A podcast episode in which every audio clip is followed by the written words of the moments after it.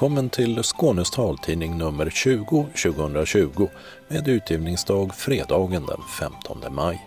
Solen den gick upp 4.55 i morse och ner går den igen 21.13 ikväll.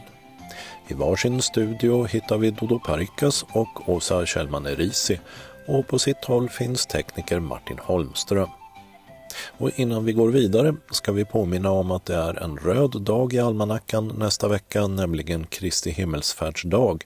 Så alla meddelanden till anslagstavlan måste ha kommit in senast måndag vid lunchtid. Och det här är innehållet i detta nummer. Fyraåring från Helsingborg fick skada på synnerven under operation.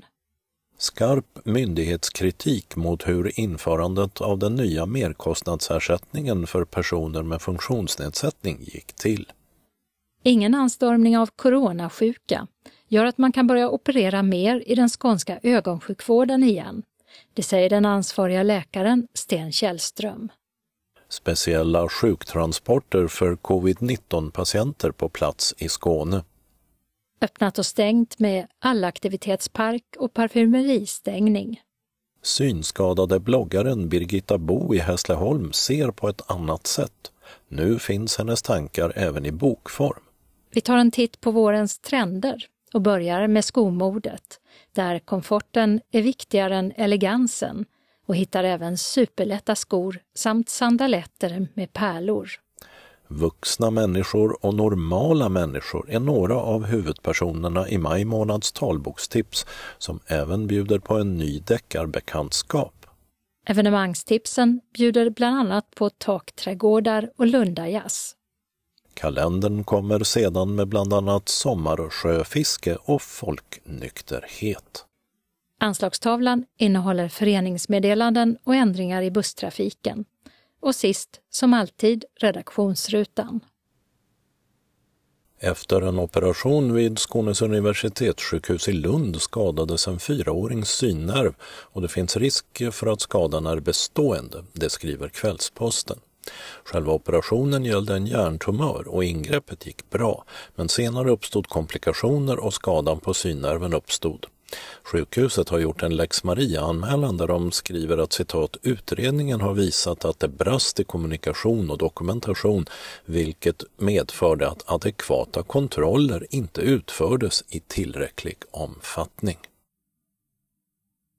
Redan i förväg kritiserade synskadade införandet av den så kallade merkostnadsersättningen för personer med funktionsnedsättning och nu riktar även den statliga inspektionen för socialförsäkringskontroll skarp kritik mot hur reformen genomfördes. Bland annat för Försäkringskassans mycket långa handläggningstider och den korta tid de fick på sig för att sjösätta förändringarna. Vid flera tillfällen så har vi hört synskadade Bo Väl berätta om sin väntan på ersättning. Men häromveckan lät det ändå så här det var väl på tiden. Jag skickade in det här eh, den 2 april 2019 och den 20 april 2020 kom beslutet. Ett år och två veckor ungefär. Det är helt sanslöst att det ska ta så lång tid. Och där får Bo väl rungande medhåll från den statliga myndigheten Inspektionen för socialförsäkringskontroll, ISF, som funnit att citat, betydande brister i Försäkringskassans förutsättningar för att införa omvårdnadsbidrag och merkostnadsersättning har fått allvarliga konsekvenser för många personer och familjer med barn med funktionsnedsättning. Maria Gustafsson är handläggare på ISF. Det som har varit mest slående det har ju varit i genomsnitt åtta månaders handläggningstid. Det betyder att det också kan vara längre. Och det är fortfarande i genomsnitt åtta månader. Och eh, alla beslut om handikappersättning har kanske inte en tidpunkt för omprövning men det är många, så vid tidpunkten för det då, då drar man in ersättningen och så får man ansöka om de nya när handläggningstiderna är så långa som åtta månader, då blir det ju en väldigt lång period som man riskerar att stå utan ersättning. Så det här har fått eh, allvarliga konsekvenser för många personer med funktionsnedsättning. Och en av anledningarna till att väntetiderna uppstått är att det fanns alldeles för lite tid för Försäkringskassan att dra igång reformen där en ersättning med ganska liten byråkrati skulle ersättas med en ny och krångligare. Försäkringskassan fick sex månader från det att Eh, det togs beslut i riksdagen i mitten på juni 2018 så skulle det vara infört då igen 1 januari 2019. Det är sex månader. Eh, och det är kort tid när det är en så här stor förändring som det är. Det här är ju helt nya förmåner. Det är andra konstruktioner och det är helt nya regelverk och det tar tid för Försäkringskassan att ta fram vägledningar och utbilda sin personal. De ska rekrytera och, och tolka de här regelverken. Vi bedömer att sex månader är, för kort tid för den här typen av stora reformer. Har ni också haft kontakt med eh, brukare direkt och gjort eh, intervjuundersökningar någonting om hur det faktiskt påverkar konkret enskilda människors liv? Vi har träffat eh, representanter för brukarorganisationer. Vi har bland annat träffat SRF för att på det sättet få en bild av vad personer med funktionsnedsättning, hur de upplever själva införandet kanske inte vad man tycker om, om de nya förmånerna är bra eller dåliga eller vad man får ersättning och så. Utan vad man upplever införandet då. Vad säger brukarorganisationerna? Man upplever att eh, man inte har fått eh, tillräcklig information. Att det har varit rörigt, att man har fått olika besked när de har ringt till Försäkringskassan om vad som gäller. Olika handläggare säger olika saker och att det har varit väldigt oklart om vad som gäller. Och nu kommer ni med en rad rekommendationer. Vad är det viktigaste som måste göras inför liknande förändringar i förmånssystemen framåt? Vi menar att eh, regeringen, när man gör den här typen av reformer, att man måste säkerställa att myndigheten då, i det här fallet Försäkringskassan, att man har tillräckligt med tid för förberedelser och också att man säkerställer att det finns tillräckliga resurser när man ska genomföra de här reformerna. Och Försäkringskassan bör också säkerställa, när det gäller i det här fallet då, att det finns tillräckligt med handläggare för att klara av den här stora mängden ansökningar som har kommit in och att det ska motverka de här långa handläggningstiderna. Sen ser vi också att Försäkringskassan har gjort stora informationsinsatser riktat sig till brukarorganisationer också så vi menar på att det finns någonting som brister där i. Därför rekommenderar vi Försäkringskassan att utveckla dialogen med eh, brukarorganisationerna så att man kan skapa en bättre dialog. Men ni rekommenderar också uppföljning från högre ort, alltså från eh, regeringens sida? Ja, vi tänker att den här reformen behöver följas upp för att se lite på effekterna. I vår rapport så kan vi se indikationer på att det är många som får en lägre eh, nivå av ersättning jämfört med vad man har haft med de gamla förmånerna. Så vi tycker det är viktigt att följa upp den för att se vad konsekvenserna har blivit för, de, Eh, för olika grupper av de personer som har de här förmånerna. Om man har haft en förmån tidigare, vad får man för ersättning nu jämfört med tidigare? Så det rekommenderar vi regeringen att man följer upp den här reformen från ehm, i alla fall SRFs sida och från mm. synskadade så var inför det här skiftet eh, skulle ske en del av kritiken handlade om att det var ett enkelt system som fungerade som skulle ersättas av ett krångligare och mer byråkratiskt system. Vi har inte ehm, gått in och studerat det eh, ännu, hur handläggningen går till eh, i de gamla förmånerna jämfört med de nya hur lång tid olika ärenden tar och så och om det är mer omständigt. Men vi har förstått att en del tycker att det var enklare förut med de eh, gamla förmånerna. Det är också den bild vi har fått när vi har träffat brukarorganisationerna. Det sa Maria Gustafsson, handläggare på ISF, Inspektionen för socialförsäkringskontroll. Och förutom med merkostnadsersättningen till bland annat synskadade är det också betydande problem med handläggning och utbetalning av omvårdnadsbidrag till föräldrar till barn med funktionsnedsättning. Och Försäkringskassan har fram till mitten av juni på sig att svara på kritiken. Reporter var Dodo Parikas. Snart kan ögonsjukvården på Skånes universitetssjukhus SUS börja operera sånt som fått vänta sedan i mars då Region Skåne ställde om för den väntade covid-anstormningen. Sedan dess har många ur ögonpersonalen lånats ut, alla behandlingar som kunnat anstå utan risk för patienterna har skjutits upp och många har också själva avbokat sina besök. Men Skåne har varit relativt förskonat från coronavirusets härjningar och om det inte blir värre kan man börja beta av det växande vårdberget. Det säger Sten Källström, chef för ögonsjukvården på Skånes universitetssjukhus. Allting vi gör är ju covid-relaterat just nu. Vi har ju haft en stor omställning inom vården. Jag menar, läget i Region Skåne är ju stabilt och har varit stabilt sedan mars. Det kom en peak ett tag, men den var ganska låg. Och vi har ju inom Region Skåne haft olika eskaleringssteg, upp till sex olika eskaleringssteg och vi har nu eskaleringssteg två. Men för att kunna ställa om, att komma upp i högre eskaleringssteg så har vi behövt ta personal från mottagningarna för att kunna bemanna avdelningar. Och med eskalering menar du för covid-relaterad vård då? Precis.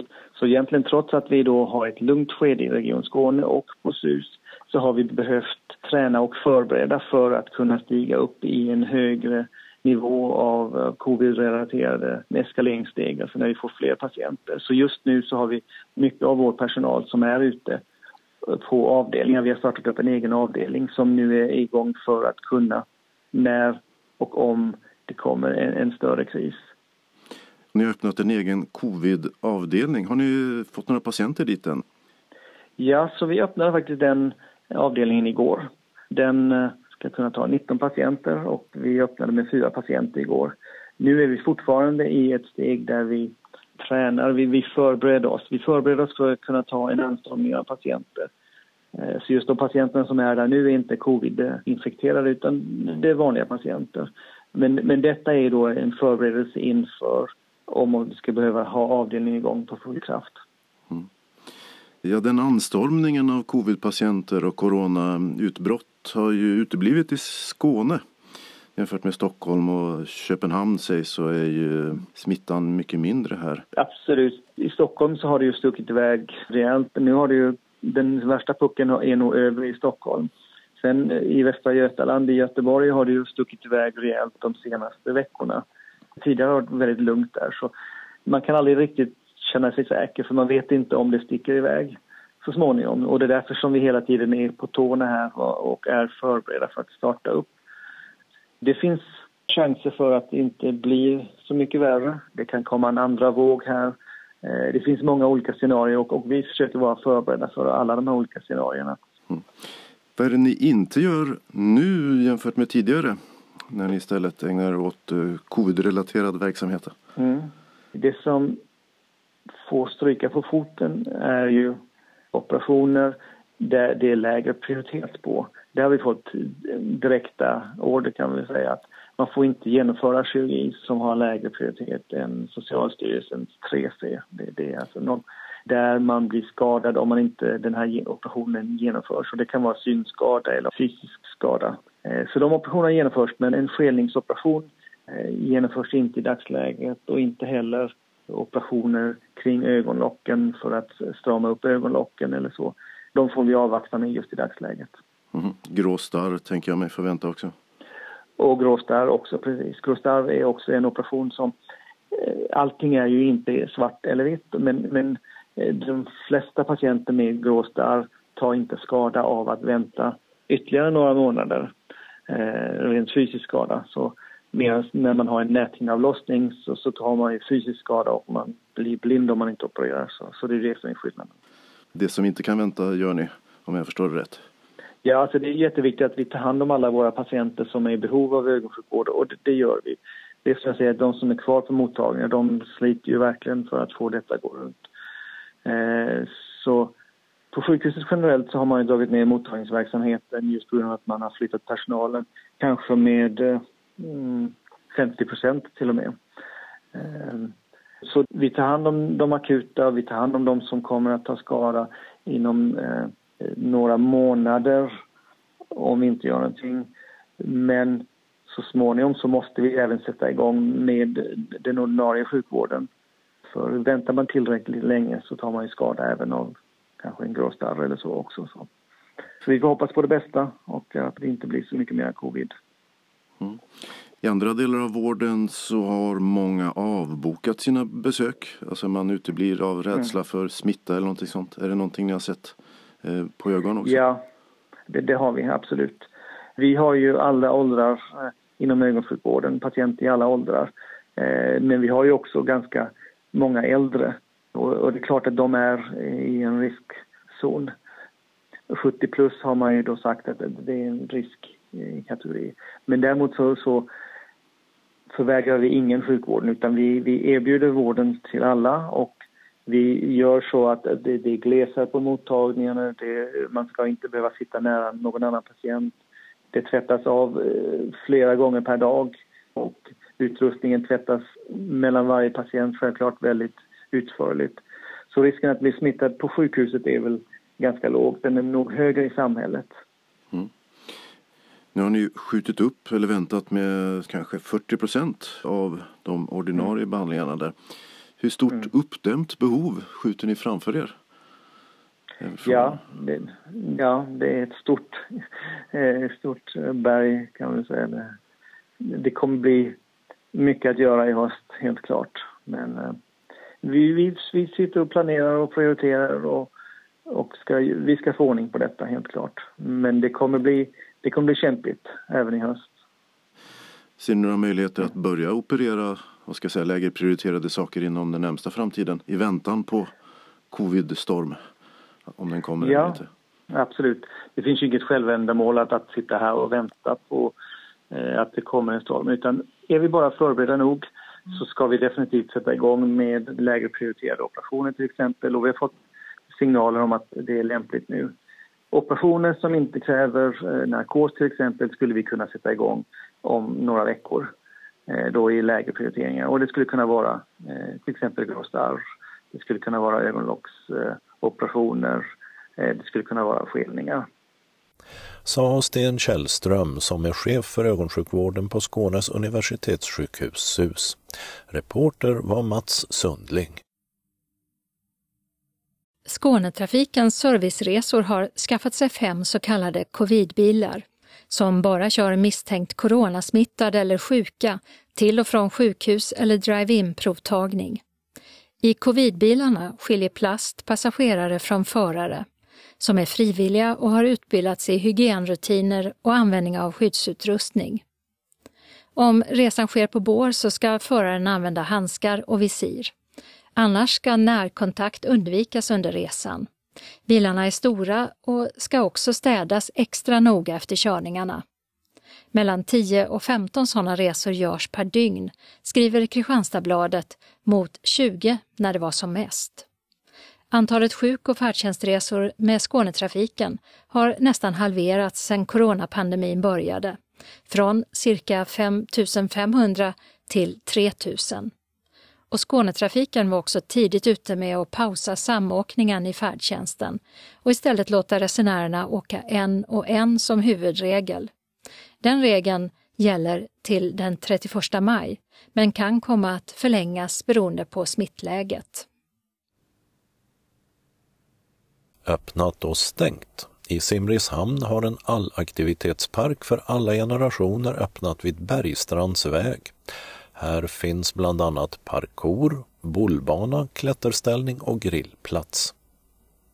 I Skurup har en ny restaurang öppnat på Handelsområdet, adress Korrehusgatan 1. Den ingår i kedjan Linnea och Basilika som har tonvikt på asiatiska rätter. Det finns både bordservering och avhämtning. I Skurup stänger två butiker på gågatan för gott, nämligen Hälsohörnan i hörnet mot Järnvägsgatan samt 2 plus 1 smink och parfym på Stora Torggatan 3. Och fram till månadsskiftet pågår utförsäljning i de bägge affärerna. I Ystad driver konkursförvaltaren vidare modebutiken Flash på gågatan över sommaren. Förhoppningen är att hitta någon som vill ta över. Detsamma gäller för ett femtontal av modekedjans 95 butiker i Sverige. I Lövestad har restaurangen Ljuvligt med F öppnat i det gamla stationshuset. Här kommer bland annat att serveras pizza men även andra rätter. Det finns både matsal inomhus och uteservering. Och i Kristianstad har Heliga Trefaldighetskyrkan intill stationen fått en askgravlund. Denna ligger innanför det nya staket som omgärdar kyrkområdet. Nyligen berättade vi här i taltidningen om synskadade goalball-esset Jimmy Björkstrand som debuterat som författare. Och nu har bloggaren och Hässleholmsbon Birgitta Bo, även hon synskadad, kommit ut med en bok kallad Se på ett annat sätt. Idén kom från läsare av hennes blogg. Men trots att Birgitta bloggat i flera år och även publicerat flera noveller så var hon inte säker på om hon tordes ge sig in på ett eget bokprojekt. Och jag tvekade ett tag. Man tycker inte själv att det är tillräckligt bra. Eh, men eh, så i julas började jag plocka ut de eh, inläggen som jag tyckte var mest lästa och mest uppskattade. Jag har ju fått lite hjälp att titta på om det skulle kunna räcka till en bok helt enkelt. Och de som Birgitta Bo frågade, de tyckte att det räckte bra.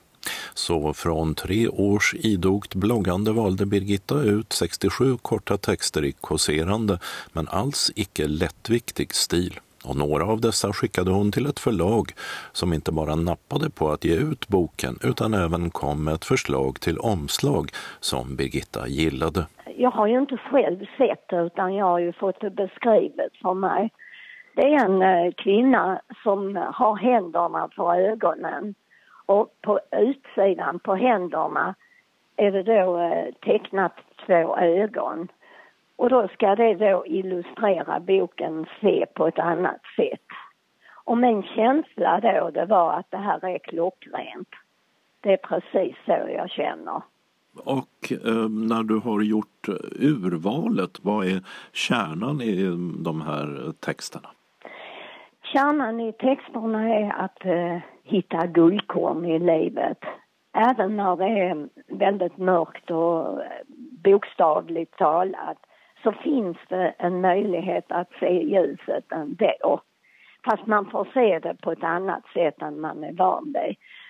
Så att när jag har skrivit så har jag försökt att hålla en positiv ton. Alltså så länge man befinner sig ovanför jord och det är bättre än alternativet så gäller det att fortsätta att leta efter guldkornen, för de finns där, även om de är svåra att hitta. Eller svårare för den som inte ser. Och när du nu går från att ha det i bloggform till att ha det tryckt, tänker du att du ska nå en annan eh, publik på det sättet eller hur tänker du? Jag tänker så här att eh, många anhöriga till synskadade har inte en aning om hur det egentligen är. För att det finns ju en blandning av sorg och glädje i boken. Emellanåt så tränger ju sorgen igenom. Och det här är ju en eh, bok i svartskrift.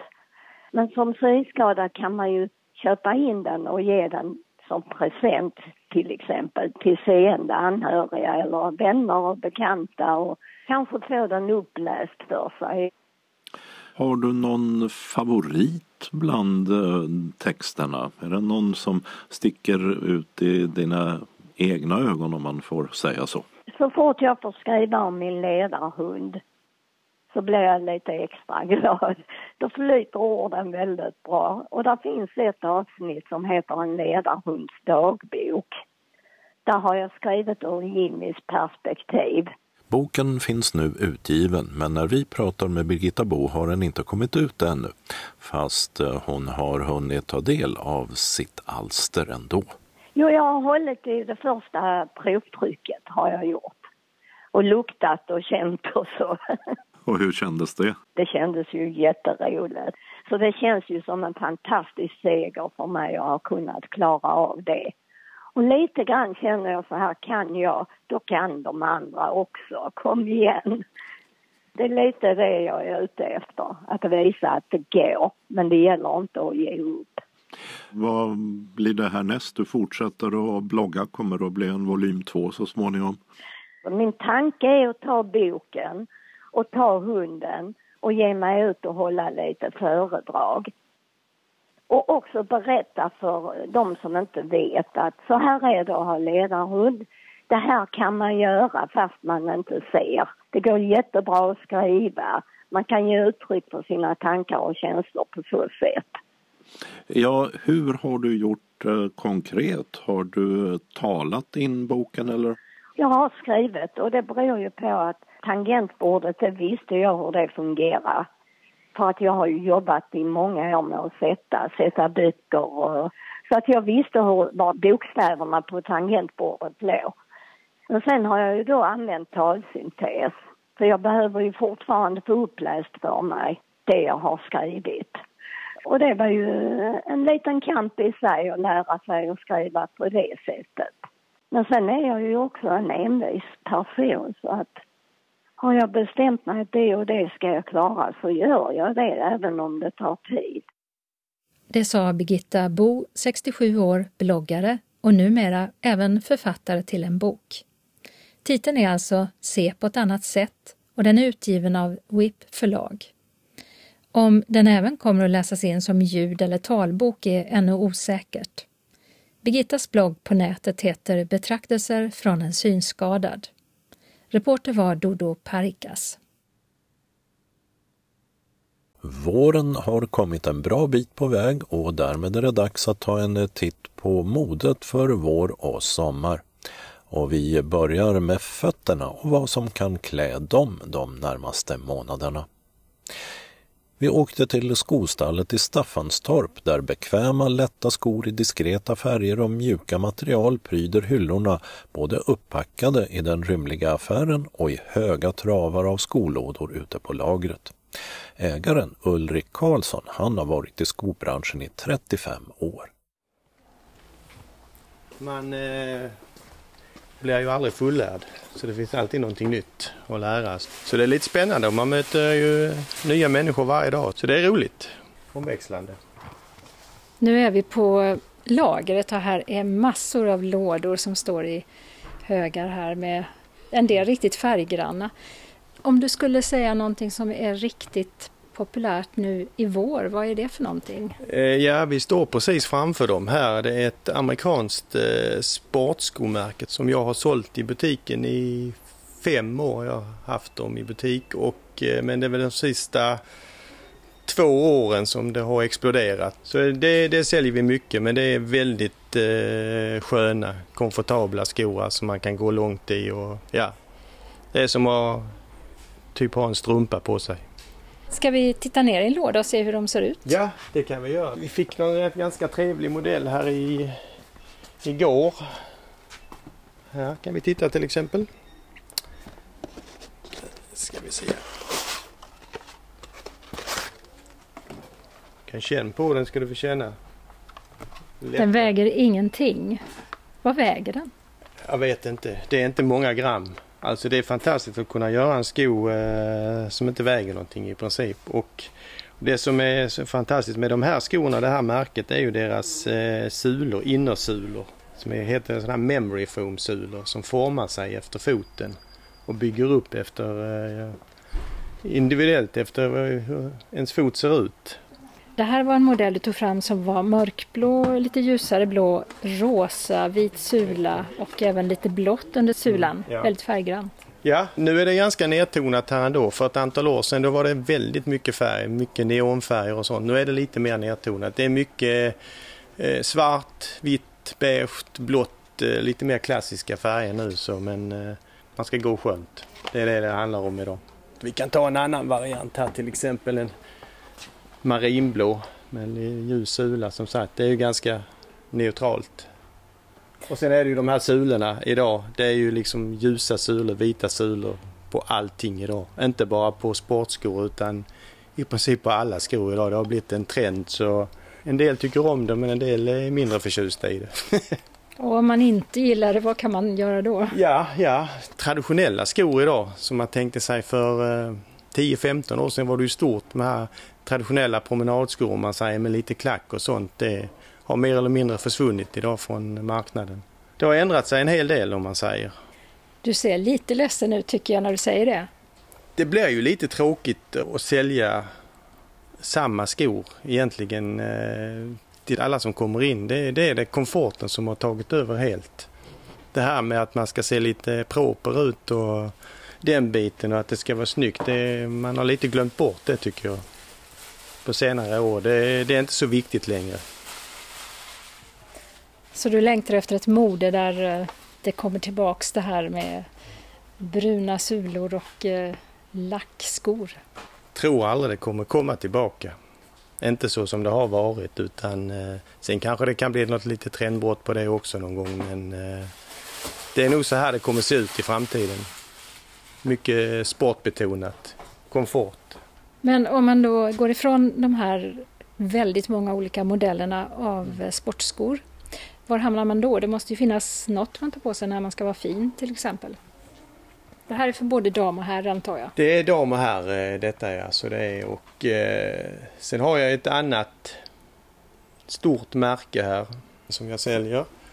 Och eh, där är det lite mer blandat men de har ju, även de har ju lite mer komfortskor men även mycket lite mellanskor, mycket sandaler. Lite roliga sandaler med lite detaljer på. Så lite spännen och nitar och sånt som är väldigt omtyckta. Kan vi titta på någon Vi sån? kan titta. Här har vi en klassisk modell till exempel. Det är en damsandal. Här får man både komfort och eh, liten trevlig ovandel med lite pärlor på. Så att man, här får man både komfort och eh, någonting som man kan vara lite klädd i. Och det är ett band med runda ringar med pärlor i olika färg och glänser i guld och silver också lite grann. Ja. Lite plattare sandaler. Och den var brun i läder, eh, resten Ja. av den. Och sen finns det här med lite kilklack. Också fortfarande populärt, säljer mycket. Och vad är det på Mm. den? Små metallnitar. Ovandelen, som jag säger, lite silverdetaljer så det är. De är duktiga på det här, det här märket just med att eh, både komfort och att det kan se lite roligt ut, lite trevligt ut att man piffar upp sina skor. Finns det någonting som är helt nytt för den här säsongen som du inte har sett förut? Nej, det kan jag nog inte säga att det gör. Det har varit ganska dåligt på den sidan eh, med nyheter nu eh, de sista åren. Det händer inte så mycket längre. Det var för en, en fyra, fem år sedan då kom det en eh, sko som är gjord av resårer. Jag ska visa dig, jag har dem här borta. Typ gummiband. Också i lite roliga färger. Här. En sko, den är helt gjord av resårband. Oj, den är stretch hela stretch, skon. Hela skon ja. Med en mjuk och härlig innersula också sådär som är lite mjuk. Så den passar alla fötter oavsett hur de ser ut. Och den kan man få i lite olika färger även givetvis också helt svarta men, men lite roligt om man vill ha lite olika mönster och det har ju varit en stor succé detta ju. Det säljs fortfarande bra så det gör. Så det, det är väl det som har kommit nytt på sista åren om man säger. Annars är det, ser det ganska snarlikt ut från säsong till säsong tycker jag. Och de här, det är då damskor. Det är dam ja. Men har du dem i herr också? Någon herrmodell? Jag har ingen herrmodell. Det finns herrmodeller. Har provat någon sån någon gång men det, det blev sådär. Herrarna kan vara ganska svåra. vi kan gå runt här så kan vi se lite på det nya. Men det är likadant där. Herrarna vill också gå skönt. Ska vara komfort. Så här finns ju lite olika varianter. Här är en variant sån här som man lätt hoppar i bara. Marinblå med lite brunt. Det känns som skohorn blir viktigt när man inte har någon snörning. Ja, skohorn är bra. Då är man rädd om skorna. Och så slipper man förstöra sina fingrar. Så skon är jättebra. Sen har vi en sandalsko som jag säljer mycket av. Finns i lite olika färger här med lite gluggar i så att det ska vara lite luftigt. För de som inte vill ha för mycket öppet men ändå lite luftigt så det är, Där är ett snöre men där är in- inte så man ska knyta det är den. ingen funktion. Det är bara lite mer en detalj som inte har någon speciell funktion. Så den kliver man också bara ja, i? kliver bara i. Det ska se lite sportigt ut, det är väl därför. Sen finns det ju lite traditionella skor som vi nämnde innan. Promenadskor om man säger med lite, lite loafers till dem. Med lite klack. Det finns lite grann. Men det är få som vill ha? Det är få som vill ha idag. Och vilka färger är det framförallt som är modefärger i vår och sommar? Det är mycket vitt. Det går mycket vita sportskor, sneakers och eh, inte så mycket svart längre. Lite ljusare färger. Marinblått är ganska stort så det och eh, beige och ja, man vill pigga upp sig med det. Men inga skrikiga färger utan ganska diskret och så? Det är ganska diskreta färger idag för det är ett antal år sedan var det ju ganska mycket färger, mycket lite neonfärger och sånt där men eh, idag är det ganska nedtonat. Så det... Och sen om man kommer hit och tycker att eh, skorna är lite trånga men annars passar de, då har ni speciella maskiner här som man kan göra ja, något med? en lästmaskin som man kan lästa ut eh, skorna både på längden och på bredden så det, det är ganska bra faktiskt.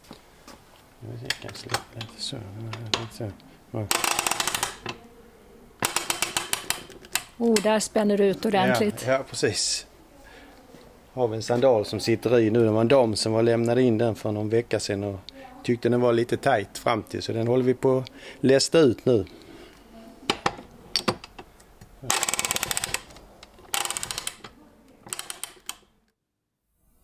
Det sa Ulrik Karlsson, skohandlare i Staffanstorp.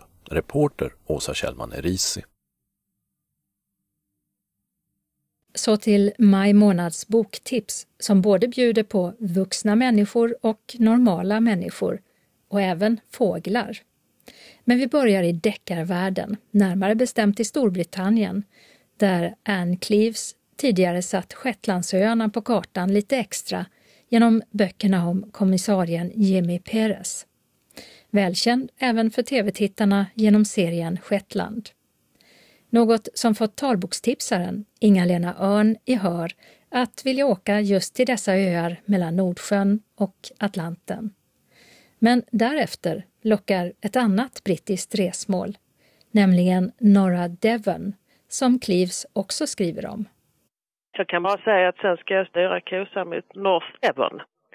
För hon är så bra på sina miljöbeskrivningar. Och jag kan se alltihopa framför mig när jag läser. Anne Cleeves Albatross. Inläsare är Marie-Therese Sarrazin, talbok med text 12 timmar och 9 minuter. Och så är hon en fena på att hitta på personer som man omedelbart tycker om. Och det är nog för att de är alldeles vanliga människor som du och jag. Kommissarie Matthew Venn, han är tystlåten och vänlig, välklädd. Han kallas till kusten där han och hans nyblivne make Jonathan bor. Där har man hittat en knivskuren man. Och han har ingen plånbok eller någonting som visar vem han är och på halsen har han en tatuering av albatross. Snart så kommer man fram till vem han var. Han var en alkoholmissbrukande kock som för tillfället arbetar med välgörenhetsarbete. Det var ett center för människor som behöver stöd och hjälp i livet. Och den här historien handlar mycket om människor med inlärningssvårigheter, människor med svag känsla självkänsla och människor som älskar. Och det handlar om religion och vikten av att hålla skenet uppe. Och det är en alldeles lysande deckare som är så spännande ända in till slutet utan att vara det minsta rå. Läs, säger jag bara. Är det inte Cleves som står bakom ytterligare en serie med när Vera Stanhope, den buttra damen som kliver runt i sin stora rock och gummistövlar? Det stämmer bra det. De har gjort tv-serier både av Shetlandsserien och Vera Stanhope. Shetlandsserien tycker jag att böckerna är, ser mycket bättre. Däremot kan jag tycka att tv-serien kanske är lite bättre än böckerna om Vera Stanhope. och då återstår det att se hur det går med den här då. Ja. Men nu går vi över till en amerikansk roman om ett brott som någon inte har begått. Alldeles riktigt. Eh, den kvinnliga författaren heter Tayari Jones och hon har skrivit en bok som heter Ett amerikanskt äktenskap. Inläsare Elena Lövenborg och det är en talbok med text, 8 timmar och 36 minuter samt punktskrift. Man kan kanske säga att det här är en brevroman eller så är det en spänningsroman. eller en relationsroman eller kanske faktiskt en kärleksroman. Den är en egentligen alltihopa på en gång.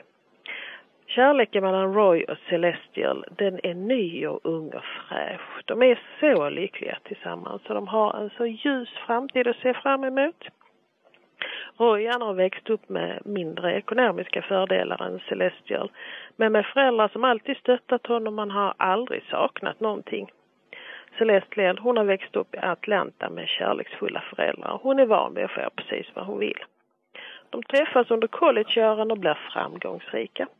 Som livet ler emot och som folk känner igen. Roys mamma är inte så förtjust i sin svärdotter men det kanske beror på att ingen är nog bra till hennes son. De har inte varit gifta speciellt länge när Roy blir oskyldigt anklagad för en våldtäkt och sedermera döms till 12 års fängelse. Och en lång brevväxling följer mellan våra två huvudpersoner. Och frågor som ställs på sin spets i hela romanen är att kan man upprätthålla kärleken på distans och via brev? Och kan man fortfarande känna samma känslor utan att faktiskt träffas? Och vad händer när Roy kommer ut från fängelset igen efter fem år och en upphävd dom?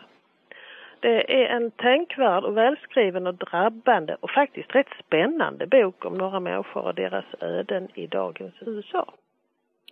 Finns det en eh, fråga där hudfärgen spelar någon roll i den här boken? Det gör det absolut. Hade inte Roy varit svart så hade han nog inte blivit dömd för den här våldtäkten som påstods.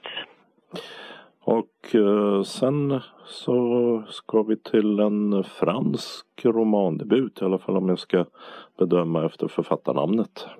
Det kan man tro, men ack nej. Marie Aubert, hon är norska. Och hon har skrivit en bok som heter Vuxna människor. Eh, det är en talbok med text och inläsare är Martin Halland. Tre timmar och 33 minuter. Och det här är Marie Auberts första roman och den är till formatet mycket kort. Men hon har fått in ett liv i den här boken som känns mycket mer omfångsrikt än så. Det handlar om Ida i snart 40 års ålder, längtar efter barn och så känner hon ju att den här biologiska klockan den har snart passerat 12. Så hon undersöker möjligheten att frysa sina ägg. Hon har ingen pappa förvisso till det eventuella barnet på lut, men man vet ju aldrig. Hon känner sig överhuvudtaget väldigt ensam. Hon ska i alla fall åka till den här sommarstugan som hon delar med sin syster och deras mamma ska också komma dit så de kan fira hennes födelsedag. Idas syster och hennes sambo har någonting att berätta. Det här är en lättläst och en bra berättelse om familjeband och ensamhet och tvåsamhet och om att känna sig oälskad och frågan som kommer på sin absoluta spets är, är man vuxen om man inte har barn? Jag citerar ur Svenska Dagbladets recension. Vad var det för människohatare som kom på att semestern ska tillbringas i släktens gemensamma sommaridyll? Denna symbol för frihet och gemenskap som i själva verket är ett unket, kvävande och till och med förgörande fängelse. Ja, det var en bra fråga efter att ha läst den här boken. Och eh, vuxna människor eh, var det här och så är det en annan sorts människor i nästa titel. Ja, normala människor. Det här är en bok av Sally Rooney. Det är Lena Lövenborg som har läst in den och det är en talbok med text på 6 timmar och 55 minuter och den finns även som punktskrift. Den här boken den utspelar sig på Irland, en liten småstad med normala människor i.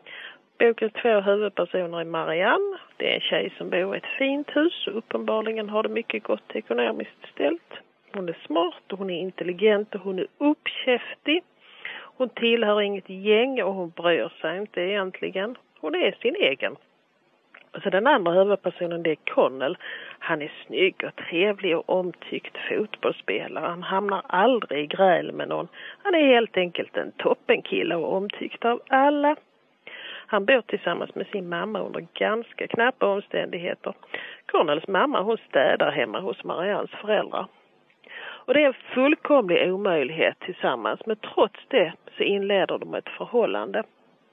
Connell han vill inte att någon ska få reda på det så under skoltiden så ser de inte åt varandra överhuvudtaget. Så får vi följa dem under några år till universitetet i Dublin och vidare.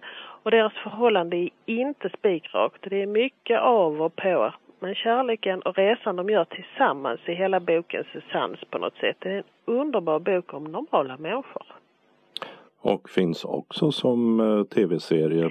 Ja, man kan se den på SVT. Och sen eh, från romankonsten till en annan typ av bok. Det är Jonathan Franzen som ju verkligen anses som en av de bästa romanförfattarna i den engelskspråkiga världen. Han har skrivit en essäbok som heter Här slutar världens ände. Och det är Ove Ström som har läst in den, den talbok med text och den är på 6 timmar och 52 minuter. Jonathan Franzen, han är en ivrig fågelskådare. Han är en sån där som, som kryssar av vilka fåglar han har sett. Han reser runt lite i världen och, och eh, bland annat är han i Åkerhamn på en resa för att se eh, kungspingvin i Antarktis. Eh, och, eh, han säger att det känns som skäl nog för att ha fötts på den här planeten och få se en kungspingvin i vildtillstånd. Och fåglar har ofta en speciell plats i hans skrivande. Och den här samlingen essäer då handlar mycket om fåglar men, men egentligen handlar den kanske mest om hur vi förstör vår jord och den allmänna känslan av att hela jorden och mänsklighetens existens är på väg utför. Och det här kan ju låta väldigt deprimerande. Men hans berättelser de är underhållande, de har en positiv ton i sig som gör att det blir intressant och ganska lättläst. Och han skriver om vänskap och familjen och händelser under åren som han varit med om. Och han, han skriver om livet helt enkelt, eller det är ju inte så enkelt egentligen. Det är en väldigt intressant och underhållande essäsamling när man är lite trött på romaner och deckare. Och som dessutom får en att tänka till lite extra efteråt. Så avslutar du med någonting Uh, ytterligare en deckare och ytterligare en kvinnlig engelsk deckare som har börjat på någonting annat än den serie hon normalt sett skriver. Ellie Griffiths. Hon har skrivit en bok som heter Främlingen. Och det är Marie-Therese Sarrazin som har läst in den. Det är en talbok med text och punktskrift och den är på 12 timmar och 50 minuter. Om Claire som undervisar i litteratur skräckförfattaren R.M. Holland, det är hennes specialintresse och eh, Claire håller på att skriva en bok om hans liv och författarskap. Skolan där Claire undervisar är dessutom inhyst i det hus som författaren bodde i. Och sen en dag så hittas en av hennes arbetskamrater, Ella, brutalt mördad. Och in till offret så ligger det en handskriven lapp med ett citat ur Hollands novellsamling Främlingen. Helvetet står tomt. Och det här mordet det verkar som om det härmar det mord som sker i R.M. Hollands novell. Det finns en helt underbar kriminalkommissarie som heter Harbinder Kaur. En eh, medelålders kvinnlig kommissarie. Hon bor hemma hos sina föräldrar och hon tycker det är jätteskönt. Och hon utreder mordet på den här kvinnan då. Och hon är övertygad om att mordet begicks av någon som står offret nära. Och Claire hon står knappast ut med tanken om att mördaren kan vara någon hon känner. Hon skriver i sin privata dagbok ner alla tankarna om mordet och hur hon tänker att det har gått till. Och så en dag så upptäcker hon att någon annan har skrivit i hennes dagbok. Där står Hej Claire, du känner inte mig. Och handstilen är densamma som på den här handskrivna lappen man hittade vid offret. Claires dotter hon går på skolan där mordet har skett och Claire hon försöker hålla henne utanför så gott det går. När vi tror att vi vet som har hänt och eh, när Claire har berättat så kommer kommissariens berättelse. Och sen dessutom dotterns syn på saken i hennes dagbok. Och för varje person som berättar så får vi reda på lite mer. Och det är väldigt svårt att veta vem man ska lita på egentligen. Ganska intrikat deckare den här. Rolig, lite gotisk. Och de böcker som Inga-Lena Örn på biblioteket i Hör rekommenderade var Albatross av Ann Cleves, Ett amerikanskt äktenskap av Tayari Jones, Vanliga människor av Marie Aubert Normala människor av Sally Roney. Här slutar världens ände av Jonathan Franzén. Samt Främlingen av Ellie Griffiths. Och reporter var Dodo Parikas. Och så fortsätter vi till denna veckas evenemangstips sammanställda liksom kalendern som följer av Åsa Kjellman Erisi. Restaurang Viva på Karhögstorg 10E i Lund har fortsatt med sina evenemang både när det gäller torsdagsblues och jazz på lördagar. Däremot är quizet på onsdagar inställt. Restaurangen tar inte in fler än 50 personer och man sitter med avstånd till varandra, säger arrangören. Och det brukar komma kring 20 personer och vill man hellre lyssna hemifrån så livestreamas alla konserter. Imorgon lördag den 16 maj klockan 20 till 22 bjuder Trulsson Trio på både jazzstandards och egna låtar. Inträdet är 100 kronor. Lördagen den 23 maj samma tid och med samma inträde blir det jazz med Monks Mood och den 30 maj med Christer Jonsson, Svempa Lunderqvist och Paul Svanberg. Torsdagen den 21 maj är det blues med Jenny and the Tombstone Shadows. Den 28 maj spelar Savoy Brown Tribute och den 4 juni Bold as Love. Banden spelar 19.30 till 22 och för blueskvällarna är entréavgiften 50 kronor. Den 3 juni finns också en extrainsatt programpunkt, Anna-Lena Brundin och Jan Sigurds Chet Baker-kväll. Det finns också möjlighet att äta under konserterna och vill man boka bord gör man det på telefon 070-797 40 03. Om man istället vill se konserterna livestreamade hemifrån så söker man på restaurang Vivas sida på Facebook för torsdagskonserterna. Och på Viva Jazz-sidan för lördagarnas jazzevenemang på Facebook. För den som vill går det utmärkt att swisha en valfri slant för den livestreamade konserten till swishnummer 123 423 2856. Live Nation och TV4 samarbetar i ett tv-format kallat Late Night Concert, som är en tv-sänd programserie. Tio artister ger varsin konsert under fem veckor. Artisterna som deltar är Molly Sandén, Benjamin Ingrosso, Felix Sandman och Norlight KKV, bland andra. Det här är ett samarbete för att artisterna ska kunna nå ut till sin publik även när de flesta arrangemang är inställda. Konserterna spelas in utan publik på Nöjesparken Gröna Lund i Stockholm och sänds med start den 18 maj klockan 23 i TV4 måndagar och tisdagar. Och man kan även se programmet på TV4 Play och C More. Helsingborgs konserthus fortsätter med sina livestreamade konserter och i vår återstår två stycken, bägge nu i maj. Dels är det en direktsändning på Kristi himmelfärdsdag, torsdagen den 21 maj klockan 19, då Helsingborgssymfonikernas chefsdirigent Stefan Solium dirigerar sin avskedskonsert efter sex säsonger. Först spelar HSO Adagiettot ur Mahlers femte symfoni, därefter Haydns avskedssymfoni där kompositören i slutet valt att låta en efter en av orkesterns musiker släcka sitt ljus och under tystnad lämna scenen. Bara dirigenten och två musiker är kvar till slut. Och den 28 maj, också klockan 19, livesänds HSOs konsert under ledning av Andreas Eriksson Hjort från Tivolihuset i Höganäs. På programmet då står Lars-Erik Larssons pastoralsvit och musik av Beethoven, Tobias Broström, Elfrida André med flera. Konserterna går att lyssna till via länken helsingborgskonserthus.se live och de ligger kvar på hemsidan även efteråt. Där hittar man även tidigare livestreamade konserter och däribland ett timslångt yogapass med instruktioner till stillsam musik.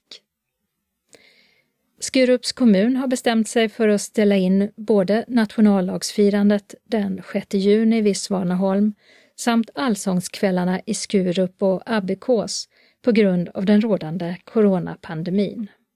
Torsdag på taket är ett evenemang där man har möjlighet att få en guidad tur på Skandinaviens största takträdgård, Augustenborgs botaniska takträdgård i Malmö. Den 11 juni klockan 17 finns det fortfarande platser kvar och det kostar 100 kronor att följa med på den guidade turen som varar i 45 minuter. Nästa tillfälle är den 2 juli samma tid. Augustenborgs botaniska trädgårdar täcker mer än 9500 kvadratmeter tak och har många olika inspirationsträdgårdar. Biljetter bokas via kulturcentralen.nu eller så kan man ringa 040 10 30 20 för att boka. Svaneholms slott kommer att öppna för besökare den 16 juni. Eftersom slottet är så stort och det finns gott om plats att hålla social distans har Fornminnesföreningen beslutat att det går att hålla öppet i sommar också. Men man öppnar två veckor senare än planerat. I museet begränsas antalet besökare till som mest 50 personer åt gången, som ju är det högsta antal som får samlas. De guidade turerna förändras också något eftersom de nu inleds på Borggården där besökarna får en utförlig genomgång av vad som väntar där inne. Och därefter så får de på egen hand upptäcka museet. I sommar blir det bland annat en utökad utställning om det laga skiftets skapare Rutger MacLean och en ny utställning om kvinnoöden på slottet. Däremot kommer arrangemang som den guidade turen Svaneholm by night och Jan Lundgrens konsert i Kristi himmelfärdshelgen att ställas in. Österlen Garden Show, som skulle ha ägt rum den kommande helgen, har fått ett nytt datum. Trädgårdsevenemanget flyttas till den 12 till 13 september och äger rum i Lunnarp på Österlen.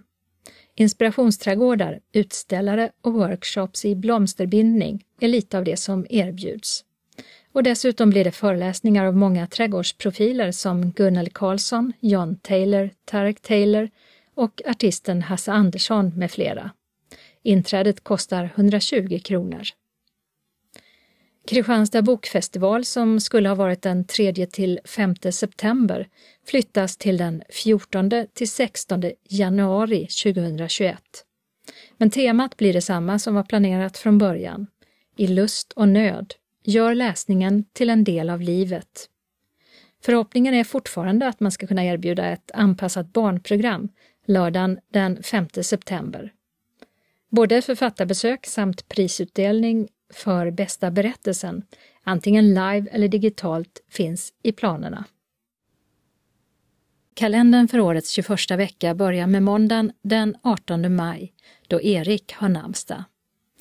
För 40 år sedan fick vulkanen Mount St. Helens i delstaten Washington på amerikanska västkusten ett utbrott som var ett av de kraftigare i världen och det näst största i USA under 1900-talet. 57 personer omkom och även tusentals djur. Men utbrottet har också fått stor betydelse för forskningen om vulkaner eftersom den inträffade i ett ganska lättillgängligt område som har gjort det möjligt att studera händelseförloppet. Tisdagen den 19 maj heter namnsdagsbarnen Maj och Majken.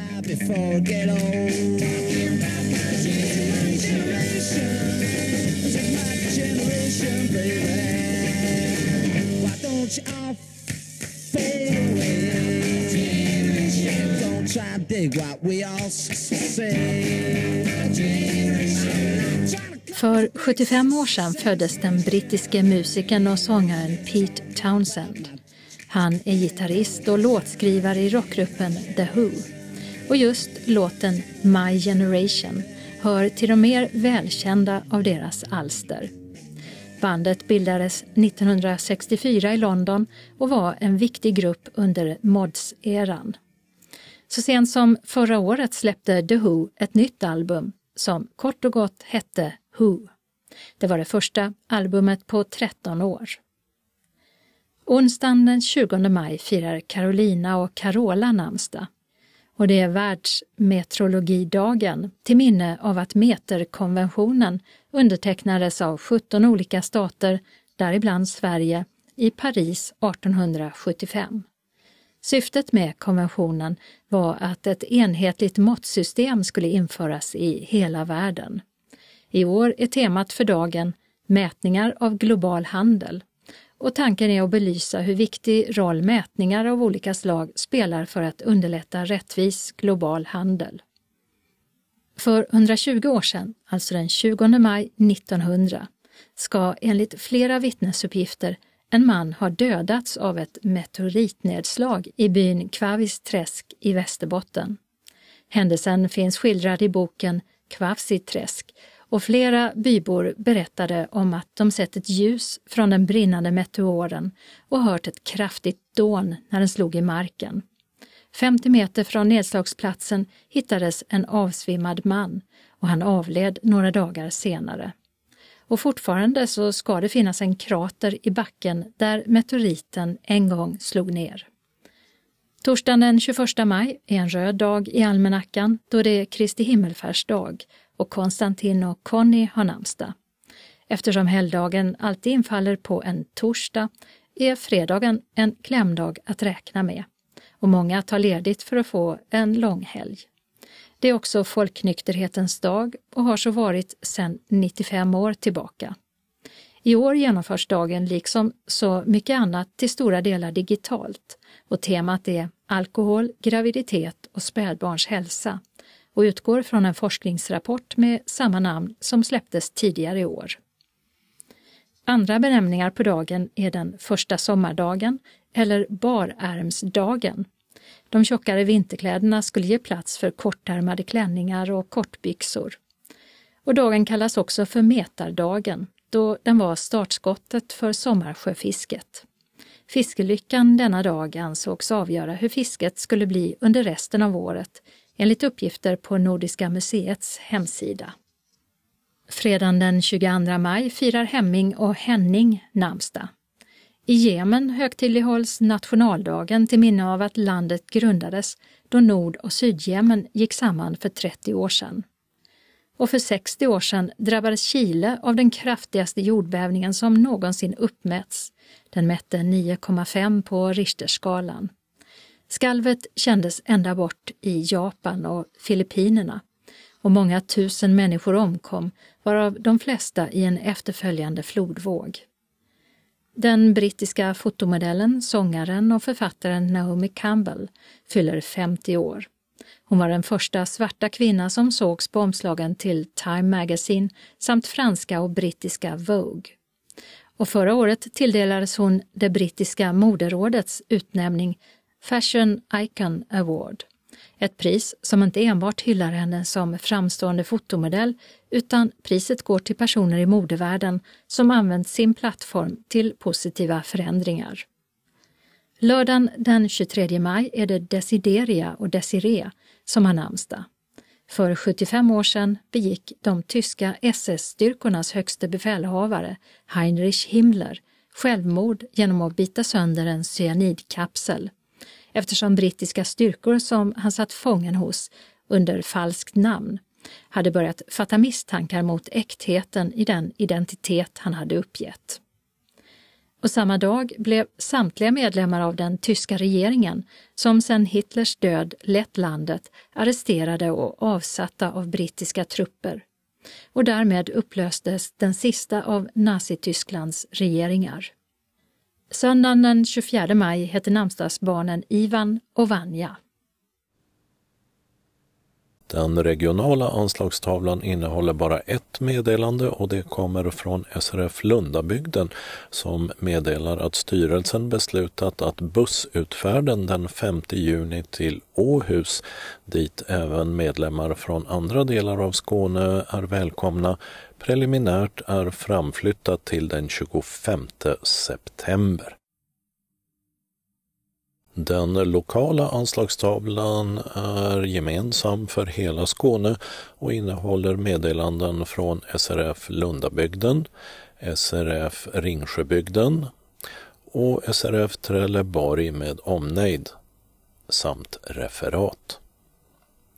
SRF Lundabygden meddelar att styrelsen beslutat att bussutfärden den 5 juni till Åhus preliminärt är framflyttad till 25 september. medan midsommarfesten den 17 juni helt har ställts in. Och på grund av den rådande coronapandemin så uppmanas medlemmarna att noga bevaka om även följande arrangemang berörs av förändringar i planerna.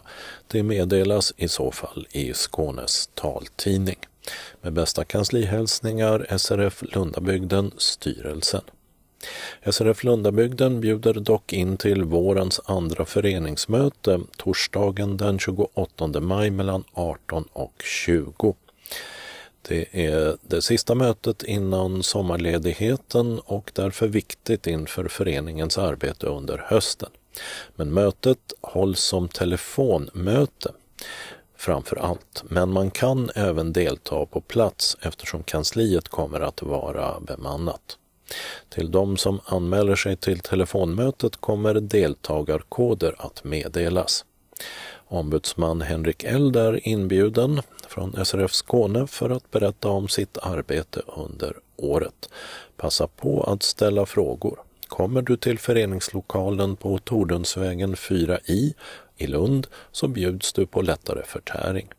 Sista anmälningsdag är 25 maj till telefon 046 211 06 74 eller e-post srfkansli.lundabygden snabela bredband.net. SRF Lundabygden bjuder även in till vårens sista SRF-träff måndagen den 29 juni, givetvis i traditionens tecken. Värdarna Pontus, Yvonne och Conny kommer att bjuda på något från grillen ute på gården utanför föreningslokalen på Tordundsvägen 4 i i Lund mellan 13.30 och 16. Blir vädret inte det vi hoppas på så får det bli korv med bröd inomhus. Kaffe och kaka kommer också att serveras. Din avgift blir som vanligt 20 kronor. Anmälan till denna SRF-träff gör du senast 24 juni till kansliet. Och som sagt, på grund av rådande coronapandemi så uppmanas du att noga bevaka meddelanden om förändringar i planerna i Skånes taltidning. Välkommen!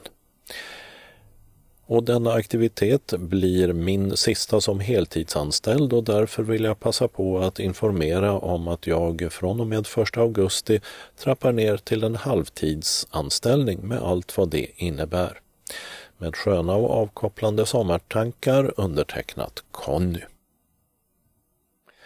SRF Lundabygdens valberedning hälsar dessutom att det är dags att börja tänka på hur SRF Lundabygden ska utvecklas vidare i sitt arbete för oss med synnedsättningar i våra kommuner.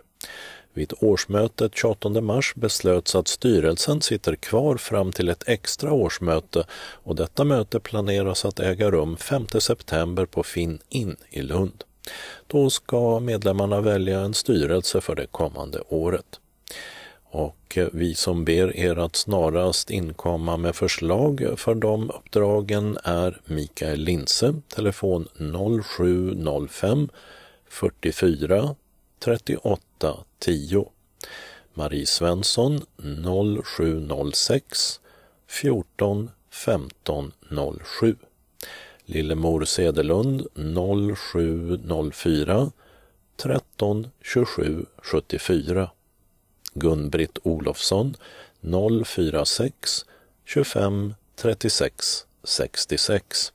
Du kan också nå oss via föreningens telefon 046 211 06 74. Hör av dig så snart som möjligt med förslag eller tankar kring hur vi utvecklar SRF Lundabygden på bästa sätt. Hälsningar Valberedningen. SRF Ringsjöbygden meddelar härmed att samtliga möten och aktiviteter är inställda hela våren och sommaren. Vi önskar alla medlemmar en skön vår och sommar och återkommer till hösten undertecknat styrelsen. Synskadades förening SRF Trelleborg med omnejd meddelar sina medlemmar följande. Vår planerade teaterföreställning i juli är inställd eftersom Lilla Beddinge teatersällskap meddelat att sommarens föreställningar är inställda. Vi hoppas på att föreställningen i oktober på Malmö Opera kommer att genomföras. Och det gäller inbjudan till musikalen Funny Girl söndagen den 18 oktober mellan 13 och cirka 19 på Malmö Opera. Styrelsen har genom syntolkning.nu bokat ett antal biljetter till föreställningen som vi alltså hoppas ska kunna genomföras. Priset eh, för denna aktivitet blir 400 kronor per medlem, ledsagare och i priset ingår gemensam transport från Trelleborg C tur och retur, tvårättersmeny samt biljett till föreställningen. Då syntolkning.nu vill ha besked om antalet biljetter i början av sommaren så vill vi ha din anmälan senast 17 juni. Anmäl dig till Helena, telefon 0706 422 176 eller e-post 1 helenalindell gmail.com och e-postadressens första halva skrivs med en etta framför Helena Lindell som skrivs ihop som ett ord. Vi återkommer med bekräftelse och detaljer i god tid innan ridån går upp på Malmö Opera. Lite ur handlingen. Fanny Bryce vill inget hellre än att bli scenartist, men ingen tror på henne. Hon är för lång och annorlunda. Hon anses helt enkelt ha fel utseende för att bli kör och ballettflicka. Men Fanny vägrar att ge sig och när producenterna upptäcker att hon sjunger fantastiskt och dessutom är en komisk talang så börjar hjulen snurra. Medverkande Sanna Nilsen, Alexander Lycke, Marianne Mörk, Ann-Louise Hansson, Oskar Pierro Lindén, Johan Rabeus, Mikael Jansson med flera. Referat från Synskadades förening Kristianstad-Bromöllas årsmöte den 14 mars i Lilla salen i Östermalmskyrkan. Ordföranden eh, Knut Torstensson förklarade mötet öppnat och därpå hölls parentation till minne av avlidna under 2019. Det konstaterades att antalet medlemmar stigit till 91 under året. Verksamhetsberättelse, bokslut, revisionsberättelse godkändes och styrelsen beviljades ansvarsfrihet. Samtliga val genomfördes smidigt och valberedningen gjort ett bra förarbete. Ordförande blev Knut Torstensson, vice ordförande Torbjörn Sjörén, sekreterare Anita Paulsson, kassör Agneta Nilsson och ledamot Kristina Bondesson. Medlemsavgiften fastställdes till oförändrade 175 kronor. Ett uttalande om krav på syn och hörselinstruktörer ska skickas till Kristianstads och Bromöllas kommuner. Föreningen föreslog förbundsstyrelsens valberedning en nominering av Maria Torstensson till förste eller andre vice ordförande eller i tredje hand ledamot. Under rapporter meddelades att hemsidan är igång under srf.nu Kristianstad Bromolla. Datum för nästa föreningsmöte bestämdes till lördagen 7 november med tillhörande gåsamiddag. Varefter förhandlingsledaren Kristel Jönsson fick ordet. Hon är kommundirektör i Kristianstad med ansvar för att allt fungerar under en kris. Hon fick också frågan vad kommunen kan göra för synskadade när krisen kommer. Vem vet var och vilken hjälp den gruppen behöver? Hon hade inget svar men lovade ta upp eh, frågan med behörig organisation. Detta var alltså i mitten av mars. Andra ärenden som hon fick med sig var instruktörer för syn och hörselskadade samt kommunens nej till att betala för taktil märkning av fyrfackstunnorna för sopor. Kristel tackade för nya infallsvinklar och kunskaper. Ordföranden Knut Torstensson berättade om planeringen framöver, tackade för visat intresse och avslutade mötet. Undertecknat Agneta Nilsson. Så några tillfälliga ändringar i busstrafiken som gäller Malmö, Kvidinge, Tomelilla och Broby. Och vi börjar med Malmö. Ett vägarbete på Bellevuevägen som skulle avslutas 1 juni är redan klart, vilket gör att stadsbusslinje 1 åter stannar vid hållplatserna Mellanheden läge A och Bellevue Park läge B. Ett vägarbete i Västra hamnen i Malmö berör stadsbusslinje 5s hållplats Ubåtshallen som stängs mellan 18 maj 07.00 och den 18 juni. Inte i år och inte heller nästa år utan 2022. En tillfällig hållplats kommer att finnas ett kvarter bakåt i färdriktningen mellan Klippergatan och Lilla Varvsgatan. Hållplats Kvarnby, läge B för stadsbuss 35 på Klågerupsvägen i Malmö är tillfälligt flyttad en bit bakåt i färdriktningen. Detta mellan 18 maj 07.00 och 22 maj 15.00 på grund av vägarbete.